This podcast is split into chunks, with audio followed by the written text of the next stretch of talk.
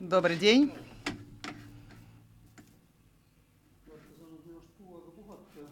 Немного отдохнули от меня месяц. Надеюсь, что у вас по-прежнему есть желание учиться, узнавать что новое. В прошлый раз мы с вами говорили о диаконии и подумали о том, диакония является ли каким-то периферийной сферой, что является ли это какой-то вещью, которую можно делать или нельзя, и можно не делать, или же это нечто большее. И в эстонских церквях э, есть раз, два, две стороны и защитников двух сторон, поэтому вы можете получить разные мнения. Я дал вам задание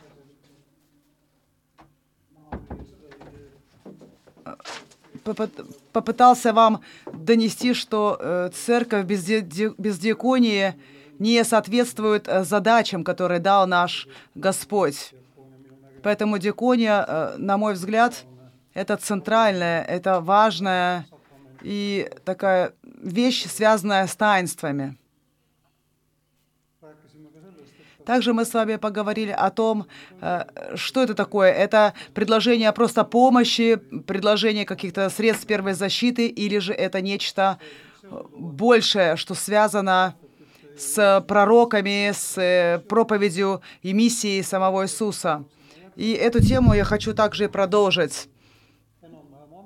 И э, тему пророков мы осветили. И надеюсь, что вы тоже отметили себе что-то и смогли себе в памяти зафиксировать это все. Но как, как последние, последние века, э, как Дикония открылась последние века э, из-за того, что из-за перемен в обществе. Я прислал вам материал, не знаю, смогли бы вы, смогли ли вы ознакомиться с ним. Э, первое это был учебник по Диконии файлом прислал вам. И, во-вторых, э, такое подру... Э, э, как бы другая книга, в общем, по Диконии, больше, большая. Эти книги я могу оставить здесь, вы можете исследовать. И, и эта книжка первая, она достаточно старая, и она издана была давно, и, и в общем-то, она была заказана у финнов и э, написание этой книги. Здесь она в Эстонии была переведена. И, конечно же, наше общество меняется. Но книга, тем не менее, актуальна. Вторая книга, которую я рекомендую вам прочитать, это, это история эстонской диаконии. И эту тему я не буду разбирать. И это И она, да. И если у кого-то есть желание узнать что-то побольше или поговорить на этой теме, э, на эту тему, я готов. Но сегодня не буду использовать эту книгу. И в-третьих, у меня с собой есть еще несколько книг, которые можно тоже исследовать, если есть интерес. И все это, оно открывает э, взор, что же такое диакония. И некоторые книги э, я вам показывал еще в прошлый раз. Поэтому, если у вас есть желание, вы можете взять со стола эти книги. И если нет, тогда, тогда домой обратно отнесу. Что еще хочу прорекламировать? Вот эту маленькую книжку, которая называется «Путеводитель». Не знаю, читал ли кто-то эту книгу. Э, то есть это руководство или путеводитель для начинающего э, лидера. И сначала она была написана для ГЛС. И, наверное, вы знаете, да, что такое ГЛС?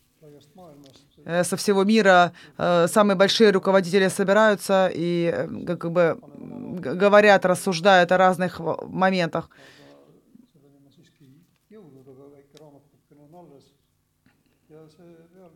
И, и это, э, вот этот путеводитель для э, начинающего руководителя говорит, что, на мой взгляд, что руководи, руководство тоже является функцией диак, диаконии. И если никто не руководит диаконией, то она становится просто какой-то благотворительной анархией или же бездействием. В общем-то, одним из двух вариантов. А также в прошлый раз я говорил, что диакония происходит на разных уровнях. У нее у нее есть своя, свой теологический и философский уровень, а, где разрабатываются принципы. Также есть политический уровень, где формируются церковные и также светские правомерные акты для того, чтобы была ну, законодательная база для организации. Э, и также мы можем говорить и о практической диаконии, именно э, в плане церкви, социальной работы. И там формируются разные структуры также практической диаконии. И формируются э, принципы на, на уровне групп, а также на личном уровне.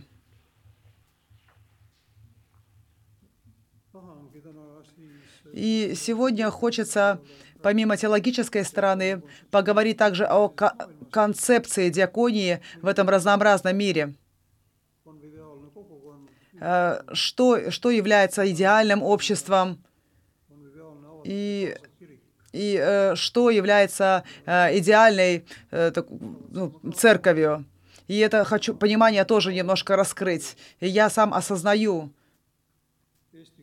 что в эстоноязычном и на эстонском языке, и даже на русском языке, на мой взгляд, э, конвивиальность, она звучит, может быть, немножко странно и нуждается в пояснении. И, и, и это, те, этот термин взяли в использование э, иммигрант, который основал свою школу в Америке, и он говорит о конвивиальности э, в, рамках, в рамках науки о совместном проживании. Как люди могут жить вместе, э, когда возникают конфликты, как находить э, выход из этих конфликтов.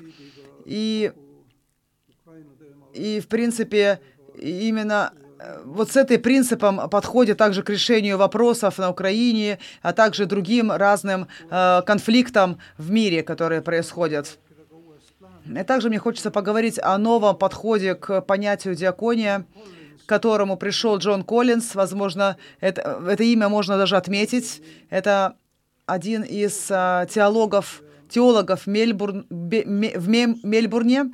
И также он обществовед, который написал много книг, и он там а, как раз-таки описывает свой новый подход а, и говорит, что диакония — это не просто какое-то служение смирения, а диакония вовлекает в себя гораздо больше. Диакония это, — она организована, она структурирована, и она также институ, э, институт, институционализированная деятельность. И это и это связано немножко с домашними работами, а, о которых мы с вами, по-моему, договорились. И, и также я готов так, ну, пояснить, если есть необходимость. Но на этом не хочется заострять внимание и а, много времени уделять. То есть такие планы. Также мы коснулись темы, что, что не существует, нет смысла говорить о конфессиональной диаконии, потому что ее не так много, в крайнем случае в Эстонии нет. И и каждый из нас, ну, мы здесь в Эстонии должны, э, каждый, может быть, что-то э, придумывать и делать совместную работу. И если у вас есть интерес, мы можем поговорить также о при примерах, э, которые, что происходило у нас в Эстонии, что мы делали вместе совместно с церквями, и в Эстонии также, что мы можем еще сделать. И диакония, она, в принципе, экуменическая по своей сути.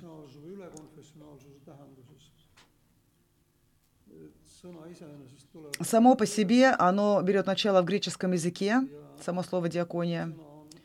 И это слово ойкос или ойкономия.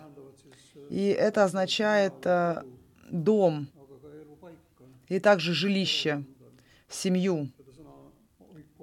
То есть это слово использовалось также в значении царственного, э, царского дома. И, а, и второе слово я не поняла, то есть, то есть это устройство. В Эстонии тоже говорится очень много эко, экономии, и оно тоже имеет как бы корни вот в этом слове, о экономии. Э, то есть это управление, управление на всех уровнях, чтобы в доме можно было жить и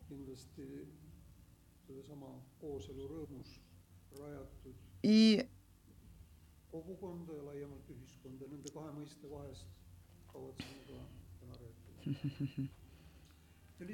в общем, о таких понятиях мы будем говорить. Э, также о экономии используется в Новом Завете и говорит о, об управлении Божьим домом, э, то есть э, в плане Божьего руководства. И 1 Коринфянам, Ефесянам, Колоссянам, 1 Тимофея здесь, если у кого-то есть желание, то вы можете найти эти местописания. Если вы хотите э, быстро, ну как бы легко, э, легко справиться с этим заданием, то вы, я могу вам дать даже ссылки. Ссылки. Но э, прошлый раз ссылок у меня дополнительных не спрашивали. То есть более конкретное местописание у меня не спрашивали. Э, в истории этот термин имел разные значения. И, и и самое интересное это то, что я сейчас э, со сошлюсь на э, учительницу, преподавателя Тринкап. Она является учителем э, Тартусском университете, и она говорит, что э, самое интересное это это, это значение экономических использований Восто, Восточной Церкви. Под вещами она подразумевает здесь разные ситуации. Она говорит, что в, в, в экуменическом э, диалоге, когда происходит разговор разных деноминаций, как раз можно встретить это.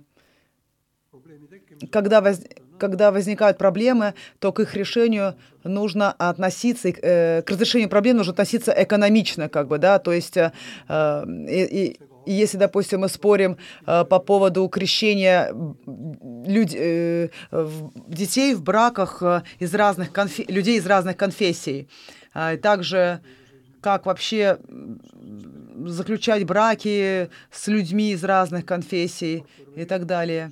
И вчера или вчера или позавчера я был э, в одной церкви, пришла одна пара э, крестить ребенка, и э, муж был литовец-католик, а жена была местная э, женщина из, э, из девушка из Яни Кирик, лютеранской. И можно было бы все усложнить.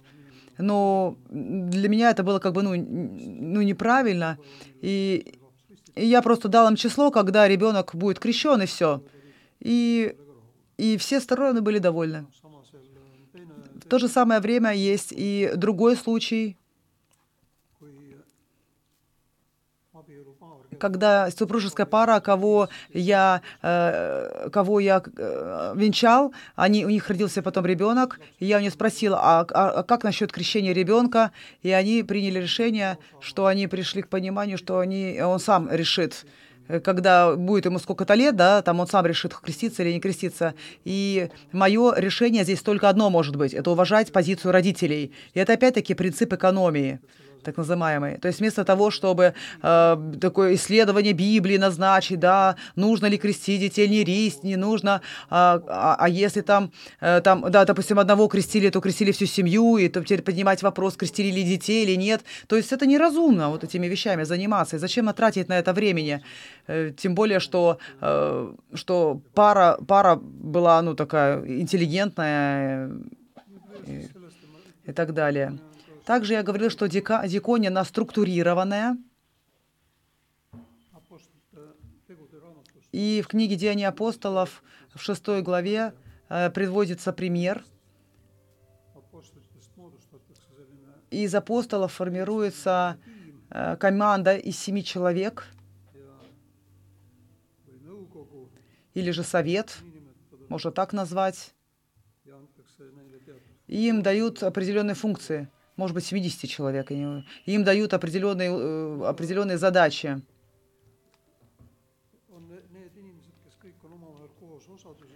И, и, и, люди, они, э, которые вместе находятся, они должны структурировать для того, чтобы быть, структурироваться, да, иметь структуру для того, чтобы быть более функциональными в своих действиях. Поэтому диакония, э, диакония, она, а, она также сопутствует их либо преломлению, по-моему, или кто как называет этим.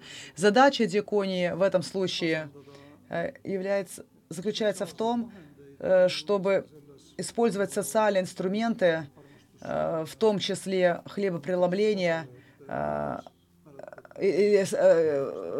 упорядочить как бы принятие хлебопреломления среди людей, если я правильно могу. И помните, да, да, как было в Ветхом Завете или в Новом, в Новом Завете, что у кого было больше, должен был поделиться, поделиться с тем, у кого меньше. И таким образом, мы мож... Э, таким образом диакония начинает развиваться уже в самой первой церкви. И, и в этой в церкви уже ранее начинают развиваться э, струк... принципы структуры. Э, и, и и мы с вами говорили, что некоторых, что первое слово, глагол, вот этот ди, диакон, вообще слово диаконес где-то сто раз встречается э, в Новом Завете. И задача диаконов заключалась в том, чтобы заботиться о людях, э, которые принадлежат церкви то есть крайней церкви принадлежавших э, людей, которые были отвержены обществом. И под, этим, под этими людьми подразумевались вдовы в первую очередь, и также, также другие э, группы, которые нуждались в помощи, которые были отвержены.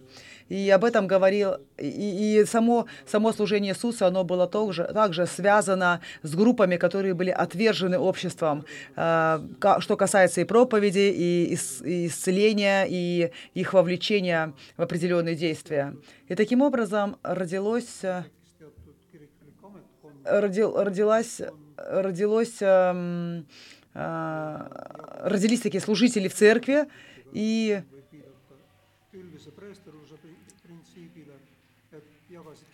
и они, они делились со всеми э, со всеми другими, также верующими, э, теми принципами, что значит быть служителем для всех. И диаконы стали во втором веке, а даже не, даже в первом, в конце первого века э, существуют письменные доказательства, например, от римского Клеменса, Клемента, что диаконы, они вместе с епископом несли ответственность а, относительно всего, что относительно всех членов церкви. И Клемент называет диако, диаконов и епископов а, а, плодами апостольского служения.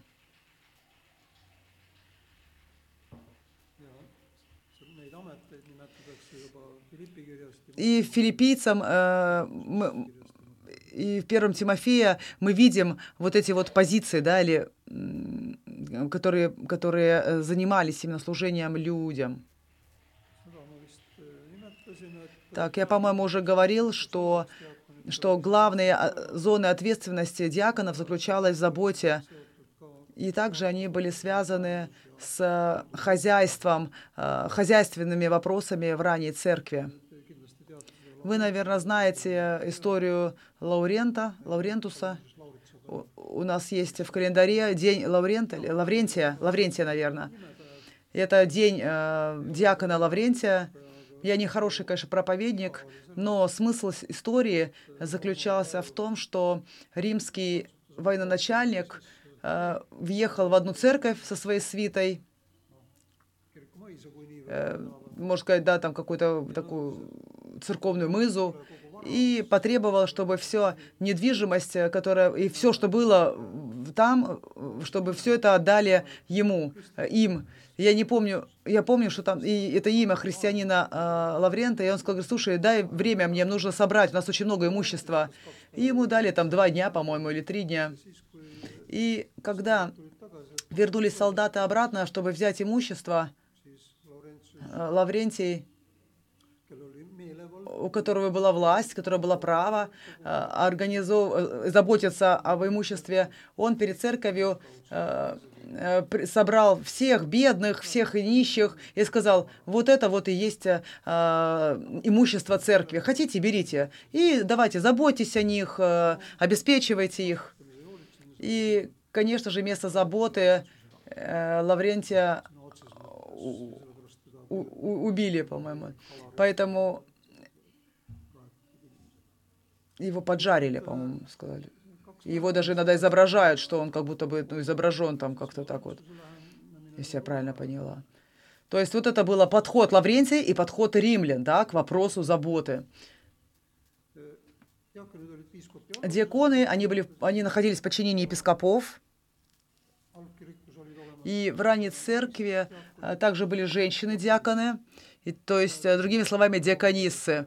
И к римлянам, наверное, вы читали, и там встречались с одной э, диакониссой. Это Фива, я не помню, как зовут. А, она была одним из руководителей церквей. И в Восточной Европе Восточной церкви Риго Сарт ссылается, это я рекомендую вам прочитать относительно эстонского э, диаконе, и он говорит, что в Восточной церкви было очень много диаконис.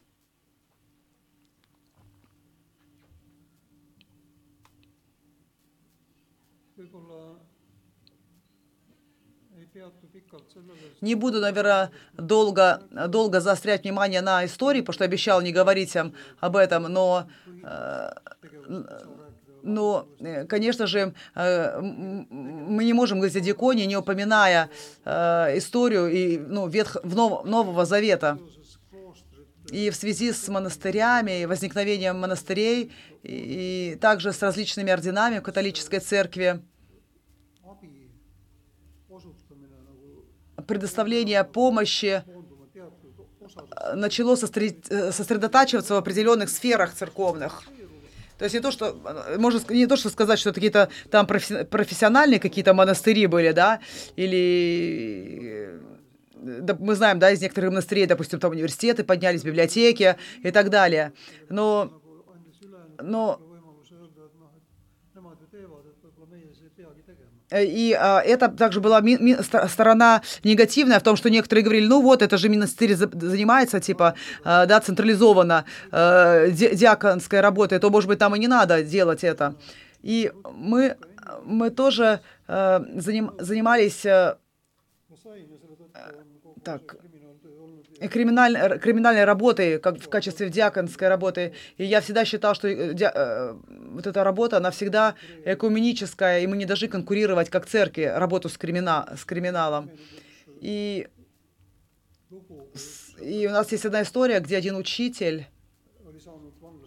он получил из, и письмо из тюрьмы, и, и, спраш... и спросил, что мож... может ли он прислать ему телевизор. Естественно, понятно, что те, кто сидят в тюрьме, хотят там э, смотреть новости и так далее. Но но а, и вот этот учитель написал мне и сказал, слушай, ну реши эту проблему, ты отвечаешь за криминальную работу, вот давай, я буду своими делами заниматься, а ты занимайся вот этим. Я считаю, что это не хороший пример диконии или же такой коллегиальности, скажем, или же ответственности каждого. Я поэтому не буду упоминать имя этого учителя, но, тем не менее, в то время это был очень знаменитый, э, знаменитая личность. Поэтому я считаю, что это неправильно когда, э, э, что, когда считается, что вот диакония – это а, задача каких-то организаций, и церкви, они как бы дистанци, дистанцируются от этого. Но, тем не менее, специализированные организации, они могут обеспечить более систематическое, систематическую, системную работу, а также и качество, а также предоставление услуг. Но ответственность, тем не менее, она все равно связана со священством, со служением. Поэтому это как бы наше обязательство, тем не менее, каждому быть своего рода диаконом.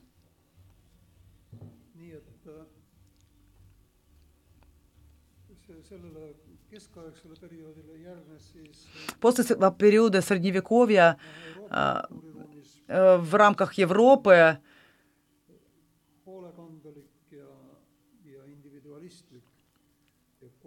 э, началась индивидуалистическая диакония, и она была связана и, и, с конкретными людьми, и можно сказать, что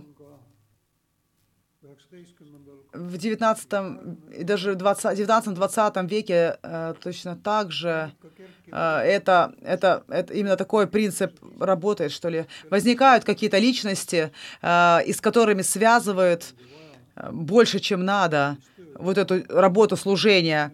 Э, там, можно сказать, мама Тереза, например, да, и, и можем закончить э, Матильдой Вреде. И можно наз, назвать, назвать еще несколько таких великих имен, которые связаны со служением, которые... Э, и, и,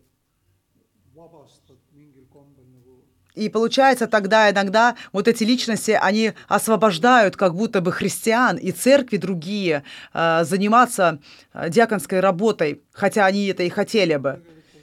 И в церкви я сейчас говорим о 19-20 веке, и сегодня также, в принципе, э, э, так, Матфей написал, что, а, что последователи Иисуса будут э, видеть по делам. И если у протестантов, протестанты говорили, что мы спасены по благодати, и поэтому часть де, делания у нас меньше, то это наполовину верно. Э, в том плане верно, что, конечно же, э, жизнью ты, э, делами ты не сможешь завоевать вечную жизнь, но неправильно в том понимании, что, что, что мы должны понимать, что наши дела вырастают из нашей веры. И если, если дел нет, то тогда нужно посмотреть тогда, как дела с верой у нас.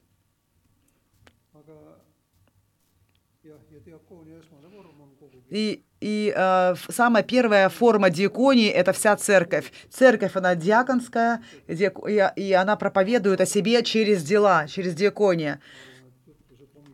Я думаю, что я думаю, что проповеди иногда бывают, они э, мало говорят, чем говорит то, когда мы делимся хлебом.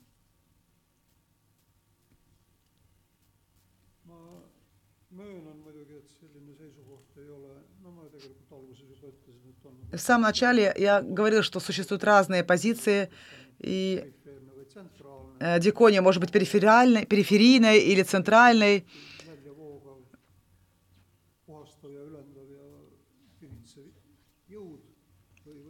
То есть что это диакония? Это такая освещающая сила или же просто какая-то функция, которая может существовать, а может и не существовать. Поэтому вот в этом споре э, я я хочу в этом плане я хочу говорить о диаконии э, и э, о том, чем она должна являться до тех пор, пока у меня будут силы. И, и э, нет, не существует какой-то конфессиональной диаконии. И нет какой-то церковной диаконии, а есть Божья диакония.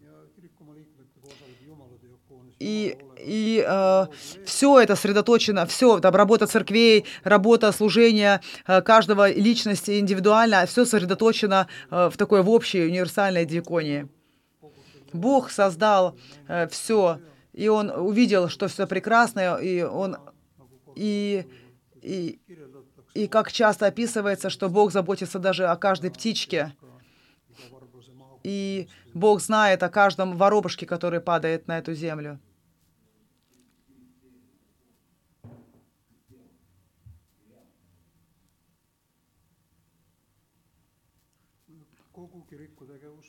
Э, э, работа церкви, как и Божья работа, она должна быть связана э, не с, с, с другими, то есть не сосредоточена на себе быть, да, церковь должна быть, она должна сосредоточена быть на других, и это я называю диаконию, диаконией. Конечно, это может быть здесь такая игра слов.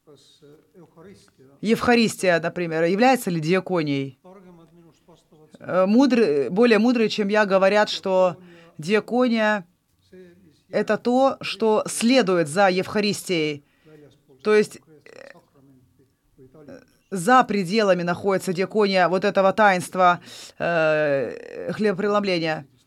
А, а, а я скажу, что да, все, что церковь делает, как бы возьмем эко... э, э, принцип экономии, что все, что церковь делает, является диаконией, в том числе и хлебопреломление. Допустим, если у нас есть другие, если у нас есть что-то, что, что служение, да, если у нас есть, допустим, венчание, является диаконией или нет?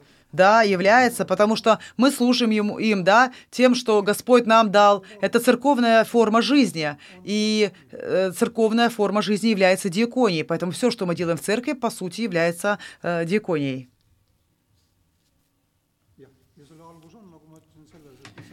И, как я вам говорил, что начало во всего этого заключается в том, что, э, что Бог все создал, и э, Дух Святой освящает всех нас, находящихся в этой церкви.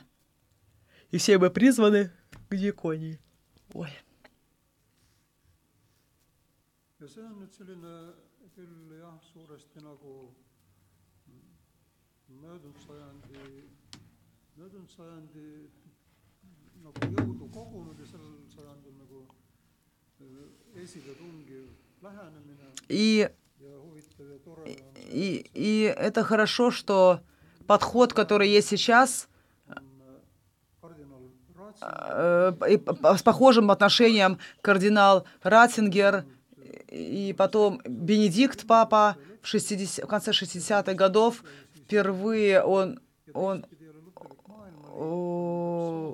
и, и лютеранский мир э, также говорит о кон, кон, конви, конвениальности и о диаконии, и они стали а, вот в конце 60-х 60 годов а, разрабатывать а, вот эти принципы диаконии и стали рекомендовать другим как бы заниматься диакония. И, допустим, книги в лютеранской, я вам показывал, по-моему, одна русскоязычная книга здесь есть у нас, есть, есть целая, есть несколько таких, таких э, книг, и и здесь говорится о том, чтобы идти и служить людям. Это на русском языке, поэтому могу тебе дать.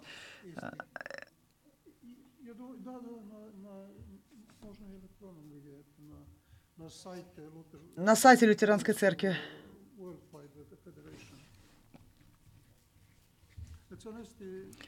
То есть эти такие как пособия, да, они даже не связаны больше с деноминацией, а просто а, эти... И я сам участвовал в, в, в, в, в, этой, в разработке этой книги. И у меня сейчас 11 или 12 год, я работаю именно в Диаконии. И, в принципе, это служение диаконское, эта организация, э, они, она развивается очень хорошо и как раз и говорит о том, как развивать церковь, э, где бы церкви ни была, там, в Манчестере или в Киеве или в Таллине, э, в Чехии и так далее, где, чтобы церковь развивала как бы вот эту диаконскую служение.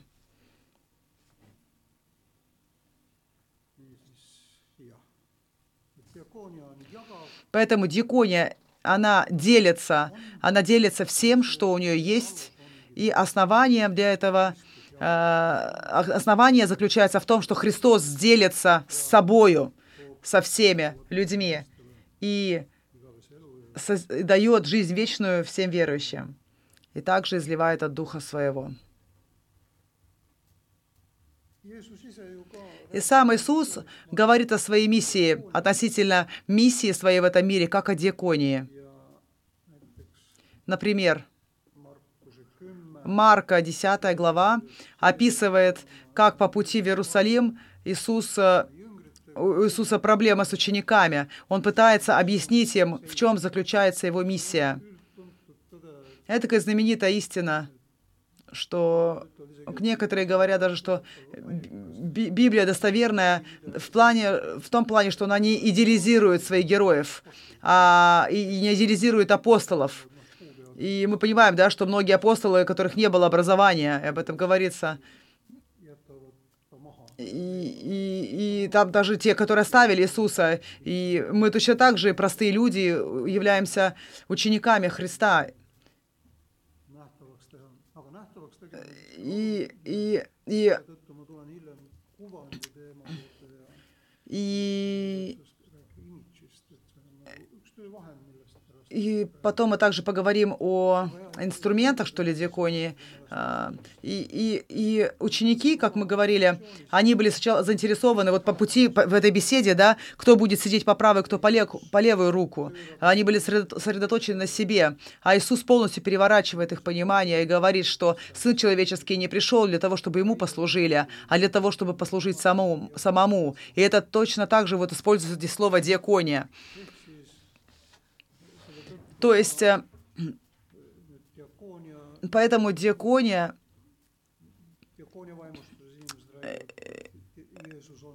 э, Поэтому и говорится, что в диаконии, что Иисус был самым большим и великим и первым диаконом. Он дал нам этот пример, и мы хотим следовать за ним.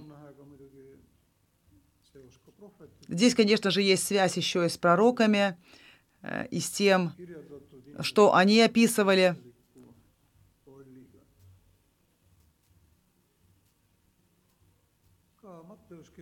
И Матфей также пишет о том, как, как ученики хотели узнать, кто же такой Иисус на самом деле. И они приходят к свидетельству и пониманию через э, уста Петра и говорят, что ты сын, ты, Бог, ты сын Бога живого. Но они не поняли более глубокое понимание всего этого. Иисус, будучи мессией... Okay. И самое большое значение во всем этом — это то, э, то есть, э, что, что, что Иисус говорил? Иисус, Иисус говорил что, о, о том, что нам нужно, что, как свои примеры показал, что Он отдал свою жизнь для того, чтобы послужить этому миру. И кому-то, может быть, это не подходит, но служение, допустим, в Страстную Пятницу во многих церквях э, и, и люди, наверное, также проходили крестным путем. То есть э, вот эти пункты, моменты, э, моменты, где останавливался Христос на пути Голгофия. И я в своей церкви э, вот этот путь проложил по, по карте Украины. И и там, где Иисус встречался со своей мамой, с плачущими женщинами, я, я, там я написал города украинские.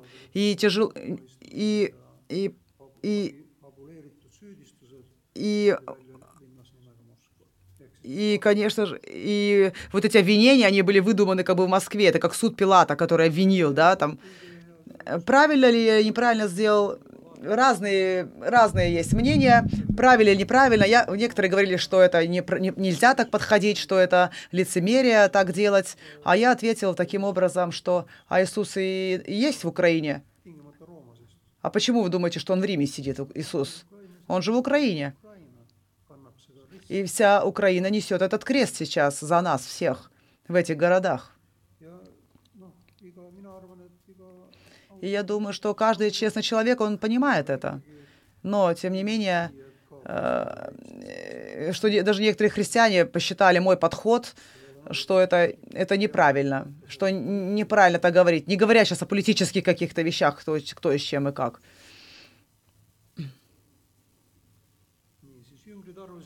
Ученики считали, что Иисус, э, Иисус придет править и будет изгонять, кто не угоден, кто ему не угоден. Но Мессия, которого мы знаем, у него, конечно, есть власть, но власть у него совершенно другая. Его власть реализовалась именно в крестном пути своем и по-прежнему является таким образом. И Иисус говорит, что те, те, кого считают правителем, э, он, он говорит, что тот, кто хочет быть слугой, э, будьте слу... тот, кто хочет э, быть гла... старш, ну, самым важным, будь слугой. Как бы вот это, как бы Иисус пытался донести. И он говорил, тот, кто первым хочет быть, будь последним. Тот, кто хочет быть э, господином, будь, будь как бы, ну, слугой. Лука, Лука э, отвечает нам также на это. Потому что через это спасение, через это служение многие люди получают спасение, потому что э, Сын Божий пришел для того, чтобы найти и спасти погибшее. И ваш Отец, Он не хочет, чтобы кто-то из, э, кто-то наименьших сих погиб, погиб. Вот в этом заключается сила, сила Иисуса служить и спасать.